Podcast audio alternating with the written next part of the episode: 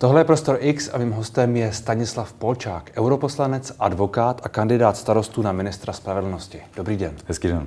V jaké kondici je teď česká spravedlnost, justice, právní stát? Jak, jak vy se na to díváte? Myslím, že ten pohled je dvojí. Jedna je ten interní, když se podíváte na eh, to, jak funguje soudní soustava, jaké má výkony. Musím říct i pro občany, byť to někdy nevypadá, že česká justice má poměrně dobré výkony. Je pátá, nebo tuším sedmá nejvýš Eh, nejrychlejší justice v evropském měřítku, hmm. což u některých kauz, které se vlečou, možná vypadá neuvěřitelně, ale průměru ty kauzy u nás netrvají, až na některé bohužel trvalky dlouho. To znamená, není to tak, že my nejsme dobří, ale ostatní jsou ještě horší? je to možné, že to je i v tomhle srovnání, ale takhle to úplně není. Máme fakt jako vysoce efektivní a rychlé soudy, jeho český soud, hmm. uh, který prostě funguje skvěle, český, to znamená plzeňský kraj soudní. Uh, I ostatně jako celá řada soudů, které jsou v těch krajích, fungují jako na velmi, dobrém, velmi dobré bázi. A potom je ten druhý ohled, jak se projevuje politika a e, rozhodování, řekněme, vysokých ústavních činitelů právě směrem do justice. A tam si myslím, že v poslední době je to skutečně napováženou, protože uh, musím říct, že i některé kroky, které uh, avizovala i uh, paní ministrně spravedlnosti, to, co bohužel občas zazní z hradu vůči justici, anebo to, co si dovolí Eh, hradní kancléř volat soudcům, ústavním soudcům, eh, nebo přímé ovlivňování zjevně, které bylo i třeba na, na hradě, kdy eh, o něm mluvil pan bývalý předseda nejvyššího správního soudu, pan Baxa. To jsou věci, které skutečně, myslím, že vyvolávají velmi velké otazníky a v Evropě jsou naprosto nepřípustné. Hmm. Musím upozornit, že třeba to, co se děje s polskou justicí, tak daleko ještě nejsme, zaplať pámbu. Ale tyhle trendy v minulosti by byly naprosto neakceptovatelné. Prostě na tom by třeba padala vláda. Hmm. A dneska se to stává skoro běžným standardem. To mě trochu trápí.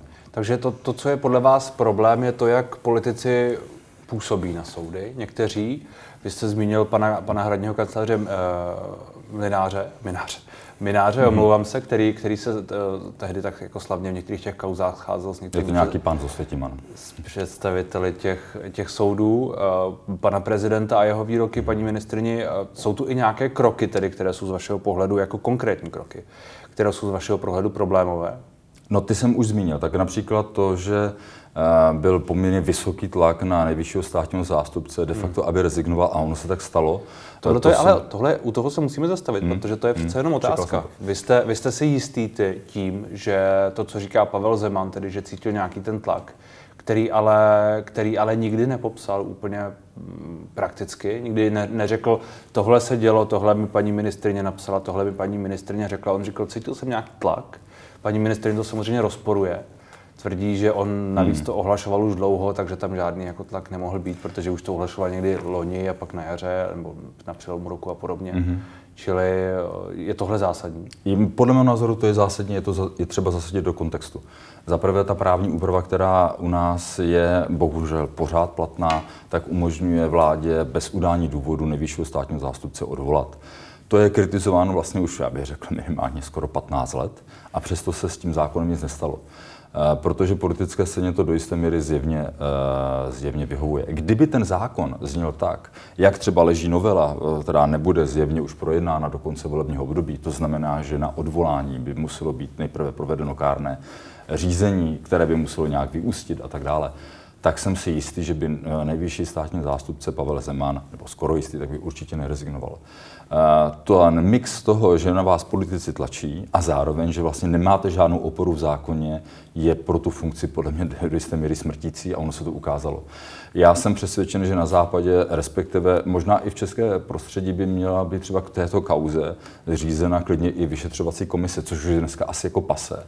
Ale co se konkrétně dělo, Vemte si, že tady máte stíhaného premiéra, eh, který eh, má přímý zájem na tom, jak bude tu jeho věc možná opět posuzovat nejvyšší státní zástupce. To jsou věci, které jsou tak za hranou, že eh, rezignace za této situace nejvyššího státního zástupce vyvolává obrovské otazníky a podle mého názoru ministrně spravedlnosti rozhodně ještě více posílila. Na druhou stranu novým stá- nejvyšším státním zástupcem se stal jeho zástupce, mm. čili Igor, Igor Stříž, to je, to je asi nějaká kontinuita, která tam je, je zřejmá a asi je otázka, jestli je možné v tuhle chvíli u dvou lidí, kteří tam vlastně spolu byli mnoho let, uh, jestli to je problém. Chápu, na, na co narážíte. Uh, připomeňme si ale, jak tomu došlo. Bylo tam i určité mezidobí, kdy vlastně uh, nejvyšší státní zástupce vůbec jmenován nebyl. My nevíme, co se dělo v té době. Jestli nemusel, tak řeknu příslovečně, pan nejvyšší státní zástupce, nově jmenovaný, políbit příslovečně prsten vládě. A e, to jsou otázky, které by skutečně asi zaslouhily nějaké ošetřování, ale to se prostě teďka nestane. Nestane se to, protože je to prostě v předvolební době a podle mého názoru i ta volba bohužel e, pana Stříže není úplně šťastná. Já naprosto uznávám, že na nejvyšším státním zastupitelství nepochybně odvedl kus dobré práce, že tam patří, ale podle mého názoru by jeho osoba neměla být tím symbolem celé té soustavy, protože po 32 letech, vlastně už od listopadu 89, myslím, že i ta soustava má navíc. Že jsou tam skvělí lidi, kteří, eh, anebo i v soudnictví jsou skvělí lidi, kteří by byli výbornými reprezentanty a symboly té soustavy bez toho nánosu historického, který má pan Stříž na sobě. A vy máte nějaké indicie o tom, že tam, že pan Stříž musel políbit eh, uvozovkách prsten premiérovi nebo někomu jinému? No, um, nemám žádné indicie, ale působí to velmi divně, protože eh, pak, když se bavíme o té kontinuitě, tak hmm. mohl být jmenován hnedka k datu, kdy... No tak jako eh, pan premiér to nechtěl údajně, pan premiér no, tomu oponoval. A právě a potom spousta se naraz všechno spousta, změnilo po 14 opozičních stran to taky nechtělo, vy sám to kritizujete, tak jako asi je to otázka. Uh, já jsem v té kritice umírněný. Myslím si, že prostě bylo celá řada jiných vhodných kandidátů. Eh, ale já do jisté míry jako respektuji to, že eh, nakonec byl tedy vybrán pan Stříž. Hmm. Já bych ho teda nevybral. A jeho komunistická minulost, čili to, že byl před rokem 89 státním prokurátorem a že údajně posílal do vězení lidi, kteří se vyhýbali uh, vojně. vojně ano. Hmm. Uh, to je něco, co je pro vás zásadní. Je to zásadní, zejména ta komunistická minulost v tom, co jsem řekl, po 30 letech v té soustavě celá řada lidí, kteří tuto minulost nemají. Já bych je byl i schopen třeba jmenovat, ale nechci jim Eh, paradoxně ublížit, ale opravdu eh, nejen eh, v soustavě státního zastupitelství, ale i v soudnictví je řada lidí, kteří přešli z funkce státního zástupce, jsou výbornými soudci. Já jsem u nich jako advokát byl mnohokrát na soudním jednání a Myslím si, že právě tito lidé bez tohoto historického nánosu, mohl by se říct i balastu, tak si myslím, že by byli daleko lepšími eh, kandidáty na post nejvyššího státního zástupce. A hlavně jsou to lidé, kteří získali erudici, vystudovali mnozí prestižní i zahraniční uh, fakulty, prostě mají vzdělání, které... Váš kolega, myslím... váš kolega, omlouvám se, váš kolega Jakub Michálek uh, z Pirátu, který je tím druhým v úzovkách kandidátem na, na, na ministra spravedlnosti, uh, on říká, že pro něj je stříž dobrá, dobré přechodné, přechodné řešení do té doby, než bude zreformován právě, jak jste říkal, nejvyšší státní zástupci, eh, zastupitelství, respektive ten zákon a bude se hmm. volit jinak a podobně, že prostě pro něj ta kontinuita má nějakou váhu a že, že to ta minulost je jakoby druhotná a že je důležité to nejdřív vyřešit v zákoně a ano. pak až řešit personálně. Uh, my jsme, se, takhle, my jsme si to museli vyříkat, řeknu to otevřeně, řeknu to poprvé, protože uh, já jsem měl jiný názor respektuji to, co kolega Michálek v této věci. Já, já to hledisko jako vnímám, že je relevantní. Ta kontinuita má smysl. A přesto si myslím, že prostě uh, my jsme se na této věci prostě nedohodli. Uh, moje pozice byla, a myslím, že i kolegy Hraby a vůbec celého stanu byla taková, jakou jsem teďka po, jako řekl, prostě má po, těch, po těch 30 letech máme spoustu jiných dobrých kandidátů. Na druhou stranu, Nemůže to být prostě tak, že ten nejvyšší státní zástupce, když už je jmenován, takže bude prostě podle mého názoru bezdůvodně eh, v listopadu nebo v prosinci odvolán. Hmm. Takovou to kontinuitu přece ani nikdo z nás nechce, aby tam někdo byl prostě na čtyři měsíce. Což se možná stane. Což se možná stane a to si myslím, že pro tu soustavu už vůbec není dobře. Eh, my bychom měli mít jako ambici, aby ten nejvyšší státní zástupce, když už byl jmenován, tak ať také funguje v určitém prostředí, ať je přijat Mm, opravdu ten zákon, který hmm. umožňuje potom dosáhnout určité právní jistoty té funkce a zároveň teda vládě nedělat tyhle ty šachy, které eh, potom vyvolávají tohleto obrovské politické pnutí. Takže to, co říká předsedkyně TOP 09 a není sama, že tedy po, po volbách odvoláme stříže, jako, jako takový ten, hmm. to, to, to zvolání v souvislosti s tím zvolením je, je chyba. Je to chyba. Je to nešťastné. Je to možná horší než to zvolení samotné. Ano. Skutečně. Je. Je to nešťastné pro tu soustavu. Já, já bych pana Stříže nejmenoval, ale když už tomu došlo, tak by měl mít jako šanci, aby ten úřad vykonával a aby i ta soustava cítila v té osobě nejvyššího státního zástupce oporu. To, že vlastně je zde velké riziko toho, že ten člověk bude zase znovu odvolán, do toho určitě starostové a nezávislí by jako nechtěli přispět. My bychom se uh, nechtěli podílet na tom, že vlastně justice bude v těchto zvratech fungovat dlouhodobě. Hmm. Uh, ona po povolební situace, respektive ta vláda, která z toho vzejde, možná bude do, do, do značné míry o tom, co o změnách toho, co bylo přijato v posledních týdnech a měsících stavební zákon je tu, který i vy jste kritizoval, mm-hmm. který má být, má být taky změny vyšší státní zástupce. Mm-hmm. Těch, těch, těch legislativních kroků je asi, je, je asi víc. Bude to, bude to podle vás aspoň minimál, minimálně z části o tom, že ta příští vláda se bude chtít podle svého názoru nějakým způsobem napravit to, co, tu, co, se, co se tu dělo? No, já doufám, že to i tak skutečně bude, že v některých věcech skutečně dojde k té nápravě. Ostatně o tom jsou i volby, že prostě i společnost uzná, uh, že třeba bude nový směr. Já nevím, jak dopadnou volby, doufám, že dopadnou tak, že naše koalice bude tvořit vládu, ale uh, jsem přesvědčen o tom, že některé věci, vy jste na ten narazil, hmm. by měly dojít změny. Stavební zákon určitě, ale tam se bavíme o odsunutí účinnosti.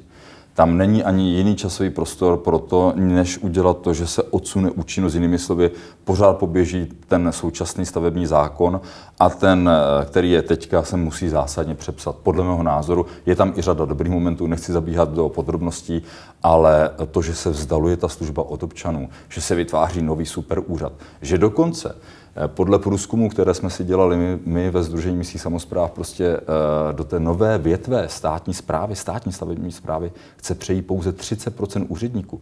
Řekněte mi, kde vezmeme těch tisíce úředníků, kteří by měli přejít, když nepřejdou z těch obcí, tak nikde nejsou.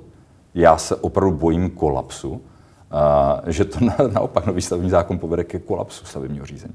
Mm. Takže tyto věci jsou i v zájmu občanů, aby se třeba odsunuli nebo dokonce teda změnili. Některé věci bude určitě nutné napravit. To, co se děje v zemědělské politice, jak ničíme krajinu dlouhodobě, panu premiérovi to vyhovuje, on na tom dokonce těží ty dotace, tak toto jsou všechno věci, které je i v zájmu občana, aby se změnily. Hmm. Na druhou stranu to jsou asi některé z těch věcí jsou věci, věci názoru, nejsou věci faktické, ale jsou věci názoru. Ano, je to ideologický spor někde tak. Je to, je to, ideologický, hmm. je to ideologický spor, jak říkáte? Ano, třeba ve střetu zájmu mám pocit, že to je zcela zjevně. A tak ve střetu zájmu tam se asi neschodnete nikdy. To je asi, no, to je musí to někdo rozsoudit, ano. Musí to někdo rozsoudit, tak kdo by to měl rozsoudit? Já se domnívám, že by to měl rozsoudit samozřejmě jako český soud, jenomže my máme takovou právní úpravu, že tam, kde se to mohlo rozsoudit, hmm. v případě Černošic, tam to bylo zameteno pod stůl. Možná, že to ještě v nějaké kauze vyplave na, jako na povrch, já pevně tomu věřím. Bylo by skvělé, kdyby jsme si tuhle věc vyřešili doma bez evropské intervence. Na druhou stranu evropská intervence už proběhla. Jsou tu ty audity, jsou tu rozhodnutí. Uh... A ty musí být. Ty audity musí být jednoznačně, protože ty, směř, ty sledují zájem ochrany uh, peněz evropských daňových poplatníků. Nicméně deklarace Evropského parlamentu tu nepochybně být nemusely. A ty to jsou, máte pravdu, ty jsou ale trošku navíc a ty jsou zase trošku politické a ideologické. Jsou trošku politické ideologické, ale co chcete od parlamentu? Takový je parlament. parlament je prostě vždycky o souboji ideí, samozřejmě. Tomu, tomu rozumím, ale tak jako to se, to, to se sem ta evropská linka trošku vkládá sama, řekněme. Vkládá sama, ale za my, jakožto orgán, který má dohled nad rozpočtem, který má zásadní rozpočtovou a kontrolní funkci, nemůžeme mlčet. My jsme dali tolik příležitostí české vládě, aby změnila svůj postoj a nic se nestalo. A mlčet ještě déle znamená souhlasit s tím. To znamená, já jsem jednoznačně neváhal podpořit tu rezoluci, byť tam byly určité věty, které zrovna směřovaly české justici, které se mi nelíbily. Chápu i docela stanovisko svých kolegů třeba z ODS, že někteří proto nehlasovali, protože hmm. to, co tam prostě bylo prosazeno ve stavu České justice, kdy vlastně bylo hovořeno o tom, že je v područí politiků, tak to určitě není. A vytváří to negativní obraz o České republice, o České justici, která, jak jsem již řekl, je poměrně dobrá. A není, není to pak zvláštní, když, když pro to hlasujete, když to vlastně to je taková jako... Je to vždycky o volbě. Je to, protičeská, já... protičeská uh, rezoluce. Um, asi i vám se stalo v životě, že prostě s něčím nesouhlasíte na 100% a přesto proto zvednete ruku. Možná, že chodíte k volbám, asi taky nesouhlasíte se svojí volbou úplně ve 100% a nakonec proto musíte hlasovat. Já nemám možnost říct, že s tím hlasuji jenom na 85%. Já se s tím musím stotožnit na 100%. Hmm. Ale pak hlasujete pro to, pro co hlasujete. Mimo jiné pro tu, pro tu otázku té justice. Z vašeho pohledu je tedy tak jako zásadní se vymezit znovu, znovu proti, proti Andreji Babišovi v té otázce střetu zájmů, že, že tedy hlasujete i pro tuhle rezoluci, se kterou třeba úplně nesouhlasíte. Ptám se na to, jestli, jestli ta otázka vlastně už nebyla tolikrát otočená a není vlastně pořád stejná, jestli, jestli prostě má smysl z vašeho pohledu se na ní znovu politicky nějakým způsobem angažovat, nějakým způsobem se, se do ní jí otvírat? Eh, ten návrh předložil výbor, který to má na starost. Hmm. Tam nebyla jiná možnost, než se té otázce skutečně věnovat.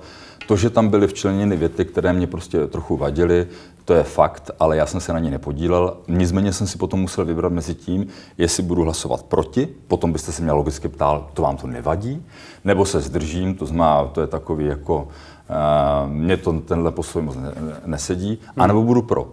A já jsem si vybral zcela relevantně ochranu peněz eh, evropských daňových poplatníků, protože řekněte mi jediný důvod, proč by německý, francouzský, já nevím, jiný daňový poplatník se měl přispívat na českého miliardáře, který je v roli e, premiéra a těží tyto evropské dotace. Pro ně je to naprosto nepochopitelné.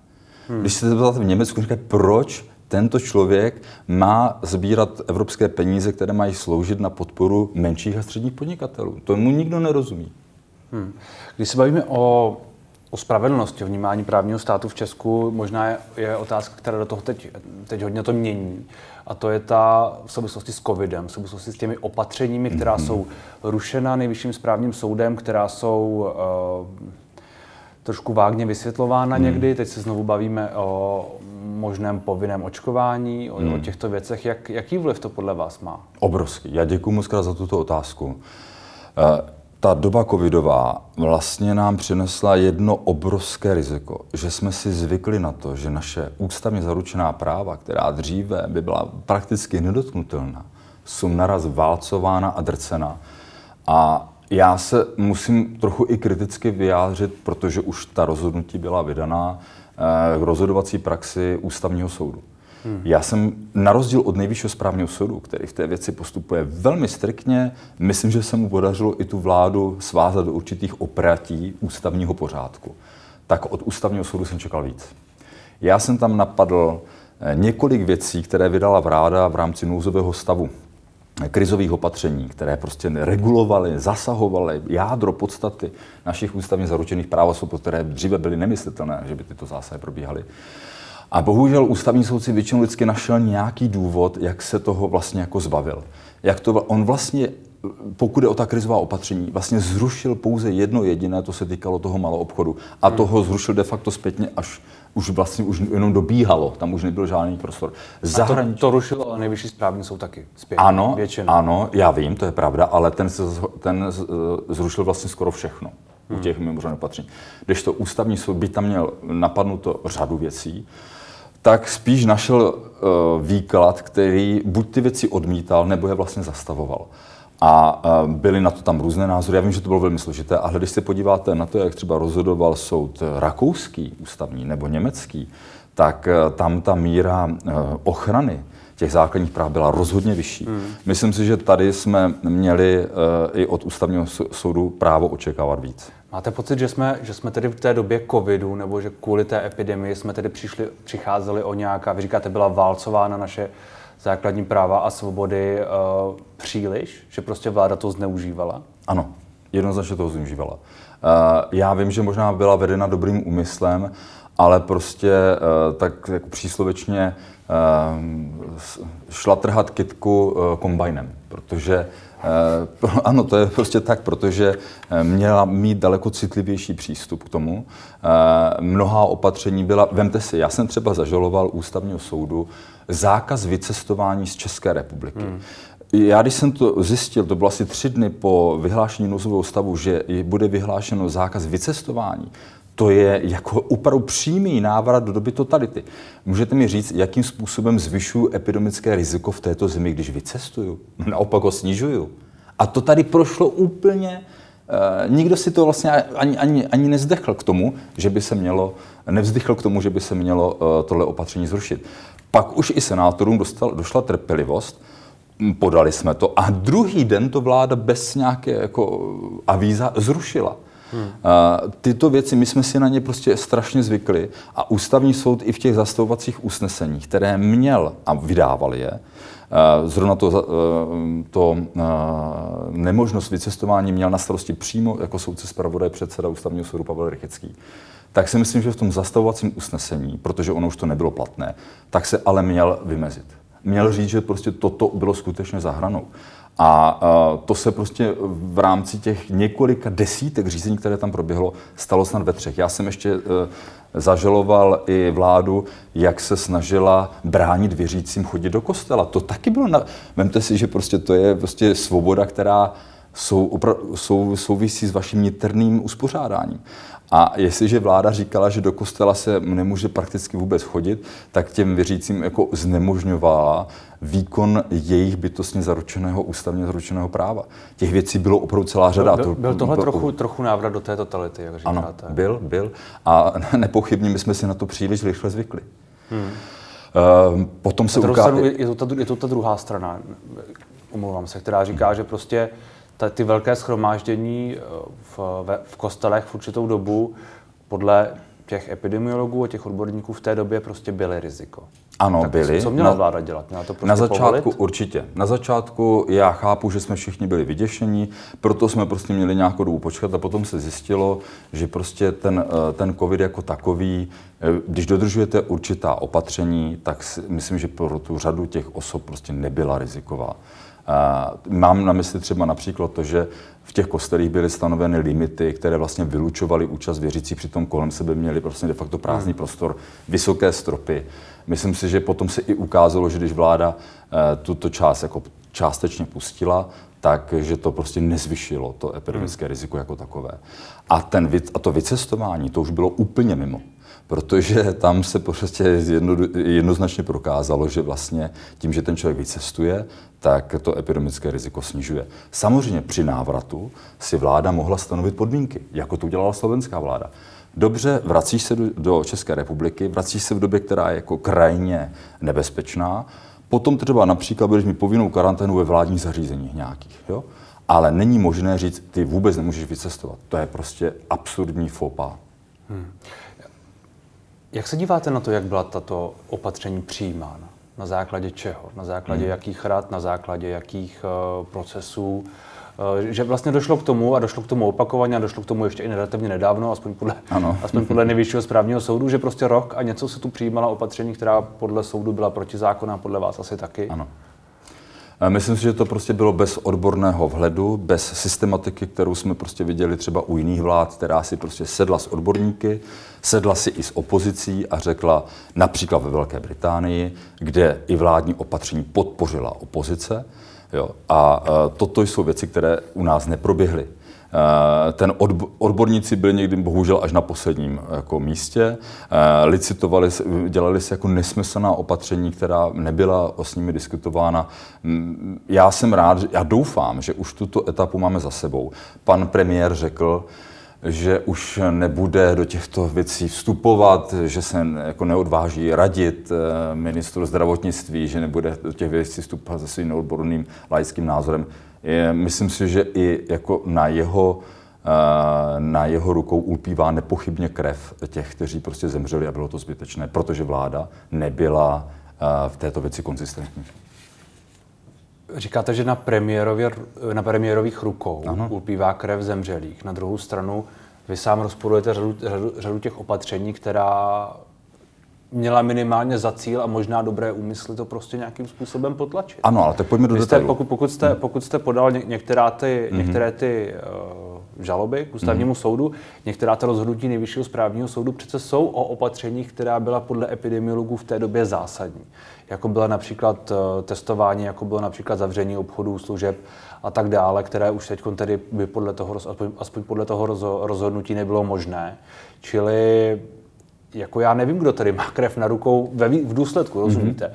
Mm-hmm. Chápu, chápu ten argument, že, že Andrej Babiš možná uh, nějakým způsobem varioval v těch svých, v těch svých uh, vyjádřeních a mohl ně, někoho znejistit a podobně a, a tomu rozumím. Na druhou stranu ty důsledky a ta opatření pak jako možná, uh, možná to znejisťoval ještě někdo jiný zvenku, řekněme.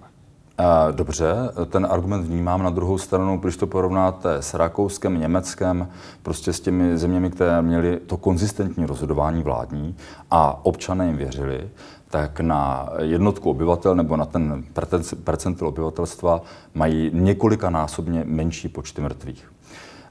Já jsem se zastával práv svobod lidí tam, kde nedocházelo ke zvýšení epidemiologického rizika to znamená u toho vycestování nebo u těch církevních obřadů.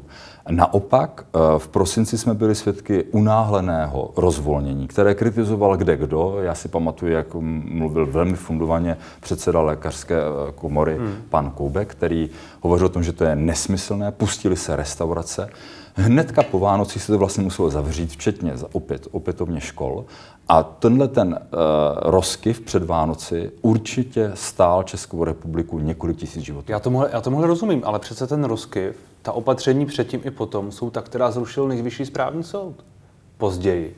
V nějaké, v eh, nějaké tyhle, ne, tyhle určitě ne, tyhle byly v rámci nouzového stavu, tam právě nejvyšší správní soud neměl žádnou působnost. No, ale já, já tomu, jo, já tomu to, rozumím, jako jsou to ta stejná opatření, která teď Rozumím. Rozumíte, lidé, to, lidé nevnímají rozdíl, jestli byl Já rozumím, jak to nouzový stav nebo hmm. nebyl. Lidé, lidé vidí opatření, řeknou si, nejvyšší správní soud zrušil zavření, je to nezákonné a proto jakékoliv zavření bylo nezákonné tak to aspoň já vnímám z těch diskuzí a ne, ne, ne úplně jako... Ne, Jenomže tady je skryt jádro, jádro trochu někde jinde, protože právě tehdy se postupovalo podle nouzového stavu. Já tomu rozumím. Ta vláda to ano. právo měla a vlastně ano. ho nevyužila a neudělala ho cíleně a efektivně, selektivně.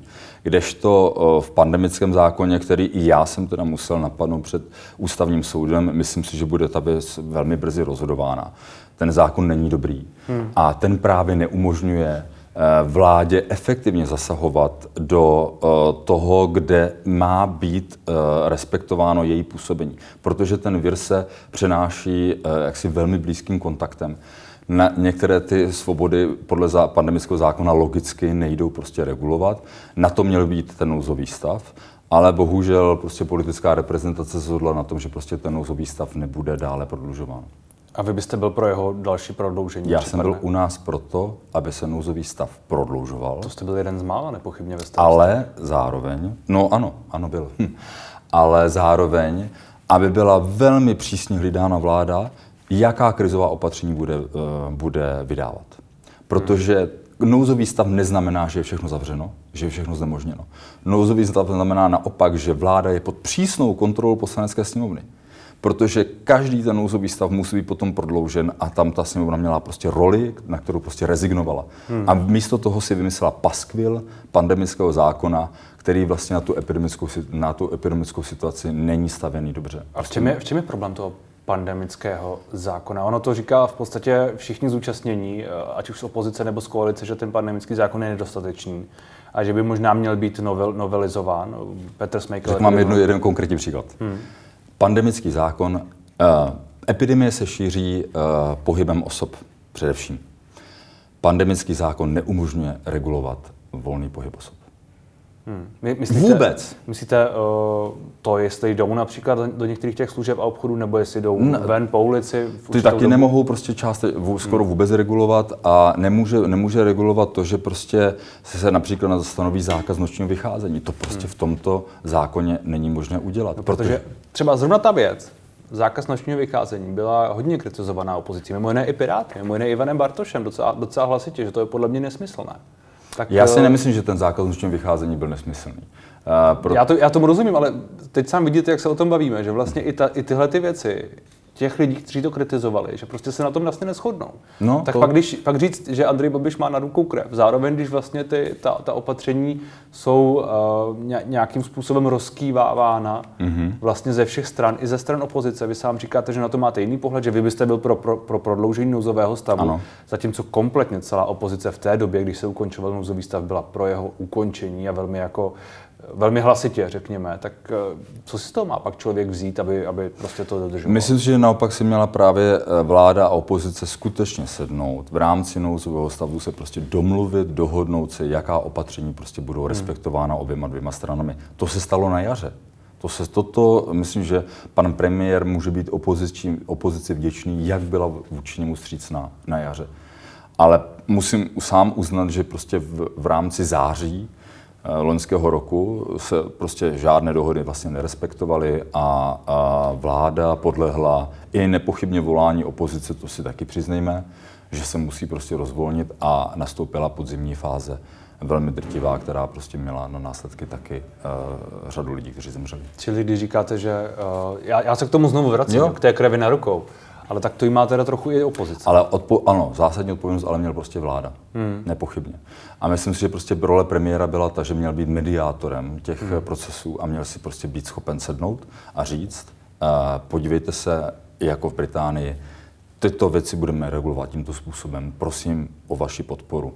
Toto hmm. myslím, že nikdy nezaznělo a nikdy to takovému setkání nedošlo a to je role premiéra vlády České. Když se díváte na další uh, týdny a měsíce, kdy nepochybně nebo nepochybně ne, ale aspoň podle některých těch hlasů odborníků, třeba Romana Primuly, bude třeba znovu přijmout nějaká opatření. Ještě nevíme jaká. Mm-hmm. Přijde podzim, to bude znovu uh, asi trošku zkouškové období z tohoto pohledu. Uh, máme tu ten pandemický zákon, jaký máme. Jak se na tuhle tu dobu díváte v souvislosti s covidem a s tím, co bude přijímáno, i v souvislosti s tím, že vlastně nejvyšší správní soud prostě už toho hodně zrušil a už asi není takový prostor manévrovací? Eh, myslím, že jsme zásadně nepřipraveni. Za prvé i na té legislativní úrovni, protože pandemický zákon skutečně podle mého názoru je uh, velmi nezdařilý zákon. Uh, má velmi daleko do těch předloh, které prostě fungují v jiných zemích, například v Německu. A za druhé, mám pocit, že bohužel nejsme připraveni ani z hlediska proočkovanosti eh, České republiky, protože i v těch nejrizikovějších skupinách nám pořád chybí třeba 15-20 obyvatelstva proočkovat. To například v Británii nebo v Izraeli, nebo i v některých eh, západoevropských státech už je prostě hmm. téměř 100% proočkováno druhou dávkou. A to jsou ale desetitisíce lidí, kteří mohou být na podzim ohroženi. A já se obávám, že vlivem šíření těch nakažlivějších mutací, které vás takhle de facto se vás chňapnou, tak uh, my můžeme být svědky jako opětovně dramatické vlny. A i to tím, že prostě eh, bohužel spochybňujeme očkování. I v této věci já jsem razantnější i v rámci starostů a nezávislých. Myslím si, že není jiné cesty než očkování. A že bychom to měli nejen pozitivně vysvětlovat, ale i dávat prostě motivační motivační prvky do toho systému, aby se lidé Třeba očkovali. peníze. Možná i peníze. A jaké jiné motivační prvky teda? No, tak například tím, že prostě některý přístup k těm službám prostě bude bohužel omezen. Čili negativně motivační. Ano. Bohužel jiné cesty není. Jinak se nám zahltí nemocnice a, a my se prostě dostaneme do situace, kdy je opět nezvládneme. Vemte si jednu věc. Když matky některé nechtěly dávat očkovat své děti, tak absolutní drtivá většina eh, společnosti říkala, no tak to je prostě šílené, oni prostě znehodnocují systém, prostě byli velmi ostouzeny. A teď to vlastně jako třeba dělají desítky procent obyvatelstva a vlastně se z toho stala norma. Hmm. Já myslím, že očkování skutečně funguje a chci prostě všechny zodpovědné vyzvat k tomu, aby se nechali očkovat. Hmm. Je, tu, je tu možnost toho povinného očkování z vašeho pohledu? To není možné. Podle, takhle, můžete a určité ani, kategorie. Ani, ani, ani třeba pro zdravotníky, ano, tam, ani třeba pro služby, jako to dělají ve Francii a tak podobně. Uh, pro zdravotníky, pro některé kategorie ano, ale myslím, že plošné povinné očkování v tom testu ústavnosti prostě neobstojí, protože narušuje vaše osobní integritu, prostě vám vpichnou do těla hmm. látku, která tam neúplně přirozeně patří a vy s tím prostě nemusíte souhlasit. To je prostě ústavně zaručené právo. Myslím si, že by to bylo jako velmi sporné, kdyby bylo plošně nařízeno pro celou populaci. A je to pro vás, eh, jako pro někoho, kdo tedy podporuje velmi to, to očkování i za vyšší ceny, řekněme. Je to pro vás přijatelné, aspoň pro ty některé kategorie, které třeba se nechtějí očkovat, jako jsou ty zdravotníci a nebo někteří lidé ve službách a podobně? Ve službách tam je to na hraně, tam si myslím, že prostě by se měl opět eh, každý jako rozhodnout, ale u těch, ehm, u těch profesí, kteří jsou přímo ve styku s těmi ohroženými, tam si myslím, že by to povinnost být měla a myslím, že k tomu dospěje vlastně celá Evropa, že to takhle bude pojato. Myslíte tedy pak ty zdravotníky? A ano, my se o tom bavíme. Já jsem členem výboru pro veřejné zdraví v Evropském parlamentu, životní prostředí a tak dále. A tam se o tom jednoznačně takhle bavíme, protože ty zkušenosti jsou potom takové, že třeba se velmi plošně šíří ten covid v těch nemocnicích. Hmm. A to je právě ten, vás tam přijmou úplně s něčím jiným, vy se tam nakazíte, jste starý člověk a bez očkování máte velkou naději na to, že teda naději, že zemřete. Hmm. Když se, když se vrátím k tomu, eh, těm soudním rozhodnutím a tak podobně. Jak, vy říkáte, že jsme nepřipraveni na ten podzim i v souvislosti s tím pandemickým zákonem.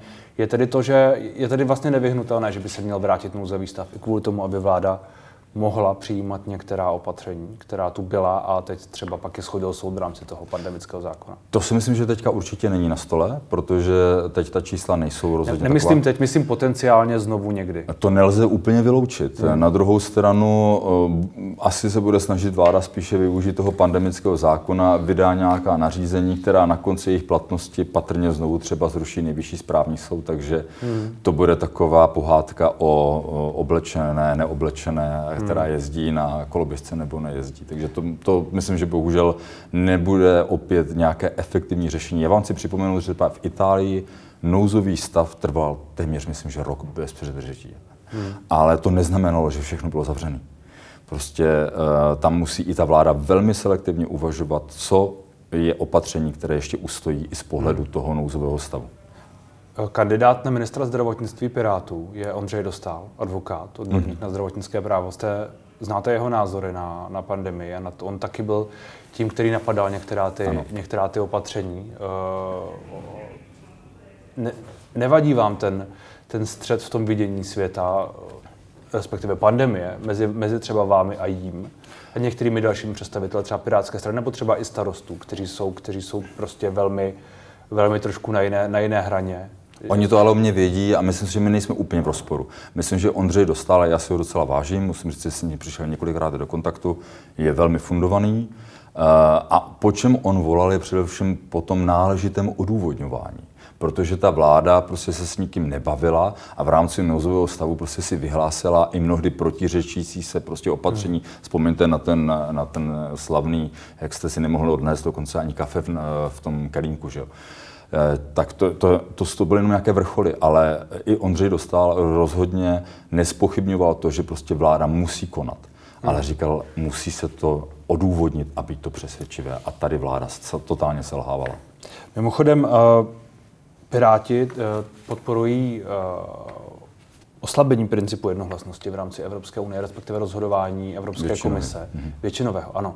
Je to, je, to, je to z vašeho problému problém? Je to něco, co, co eh, v některých směrech je to, myslím, že pozitivní posun, a, ale třeba, myslím si, že třeba v oblasti třeba zahraniční politiky je eh, to posun, který já bych i podpořil. Ale třeba v oblasti eh, daní, přímých daní, kde by prostě mohla Evropská unie rozhodovat na základě většinového stanoviska tam jsem tedy skoro bych řekl zásadně proti. Hmm. Myslím si, že e, otázka daní by měla být prostě koordinována, různé společné daňové základy a tak dále, samozřejmě boj proti daňovým únikům, ale to stanovení té vlastní přímé daňové povinnosti pro své občany by měl dělat ten národní stát a neměl by být tam mechanismus, který umožní aby jeho stanovisko bylo překlenuto na evropské úrovni. Takže na tom se shodnete částečně.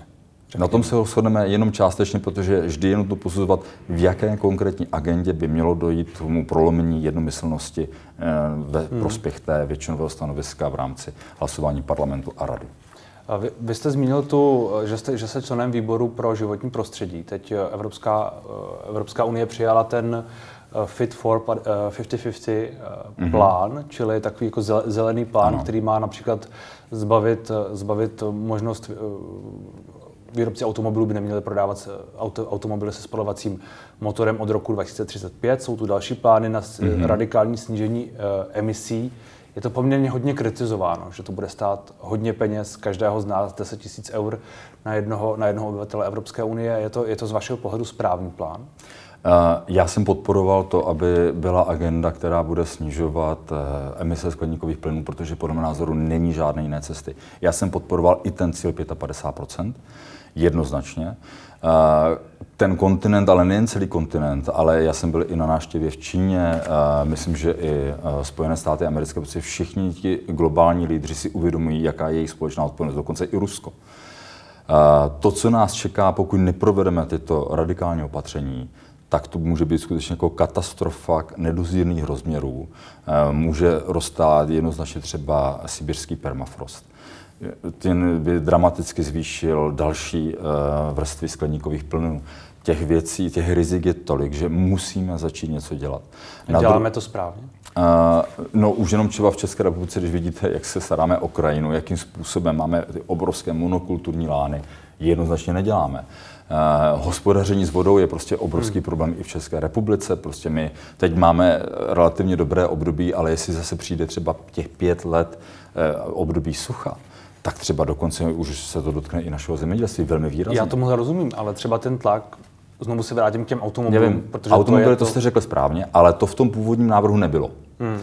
A já jsem to i říkal už i včera, eh, pro mě je toto k velké diskusi, protože eh, toto nebylo ani v původně avizovaných otázkách, protože vemte si, dobře, nastavíme to u automobilů, já musím říct, že jednoznačně stoupne cena eh, těch automobilů i pro třeba nízkopříjmové vrstvy společnosti. A vedle toho prostě budete mít lodě nebo budete mít prostě letadla, která budou nadále jako brázdit eh, hmm. ten prostor a tam eh, ten návrh jako nesměřuje. Je to jasně, je to výkop ze strany Evropské komise. Rok 2035 je podle mě jako strašně brzy. A musíme se bavit o tom, že to nemůže být stoprocentní, že ďábel je skryt v detailu a my nemůžeme eh, ohrozit ani například, eh, říkám, ty nízkopříjmové vrstvy společnosti. To je věc, která by měla být eh, rovněž vážena. A myslím, že v Evropském parlamentu nemá šanci ten návrh by prošel teď do konce volebního období. Tím jste si jist. Já jsem slyšel hlasy, které naopak se bojí toho, obávají se toho, že naopak to bude v Evropském parlamentu ještě zpřísněno obecně. No, myslím si, že to bude jako podléhat velké diskuzi. Hmm. Je tam celá, a za, za druhé, Evropský parlament sám o tom nerozhoduje. Je to dohoda, kterou musí udělat i členské státy. Hmm. A uh, tam potom se prostě vyjednává v rámci trialogu a uh, ty trialogy dopadají mnohdy tak, že skutečně se ukáže, že ten prim mají členské státy a že i ten Evropský hmm. parlament donutí k ústupkům. Já v této věci budu rozhodně zdrženlivější. Na druhou stranu ale je třeba to prostě vykoupit e, jinými, jinými opatřeními, třeba v oblasti péče o tu krajinu. Tam bychom by měli být rozhodně razantnější. Biodiverzita nám prostě mizí celé řady druhů a opilovači to je dneska na ústupu, takže možná se bohužel můžeme dočkat doby, kdy budeme muset vzít štětečky a opilovávat květy. Hmm. To se děje už v Číně tak uvidíme, jak... Doufujeme, že nás čeká lepší budoucnost a je, je třeba zatáhnout za ruční brzdu, ale s rozumem. Uvidíme, jestli tohle zatáhnutí bude úspěšné, minimálně tedy v tom na, na úrovni těch evropských institucí. Děkuji moc za rozhovor. Děkuji také.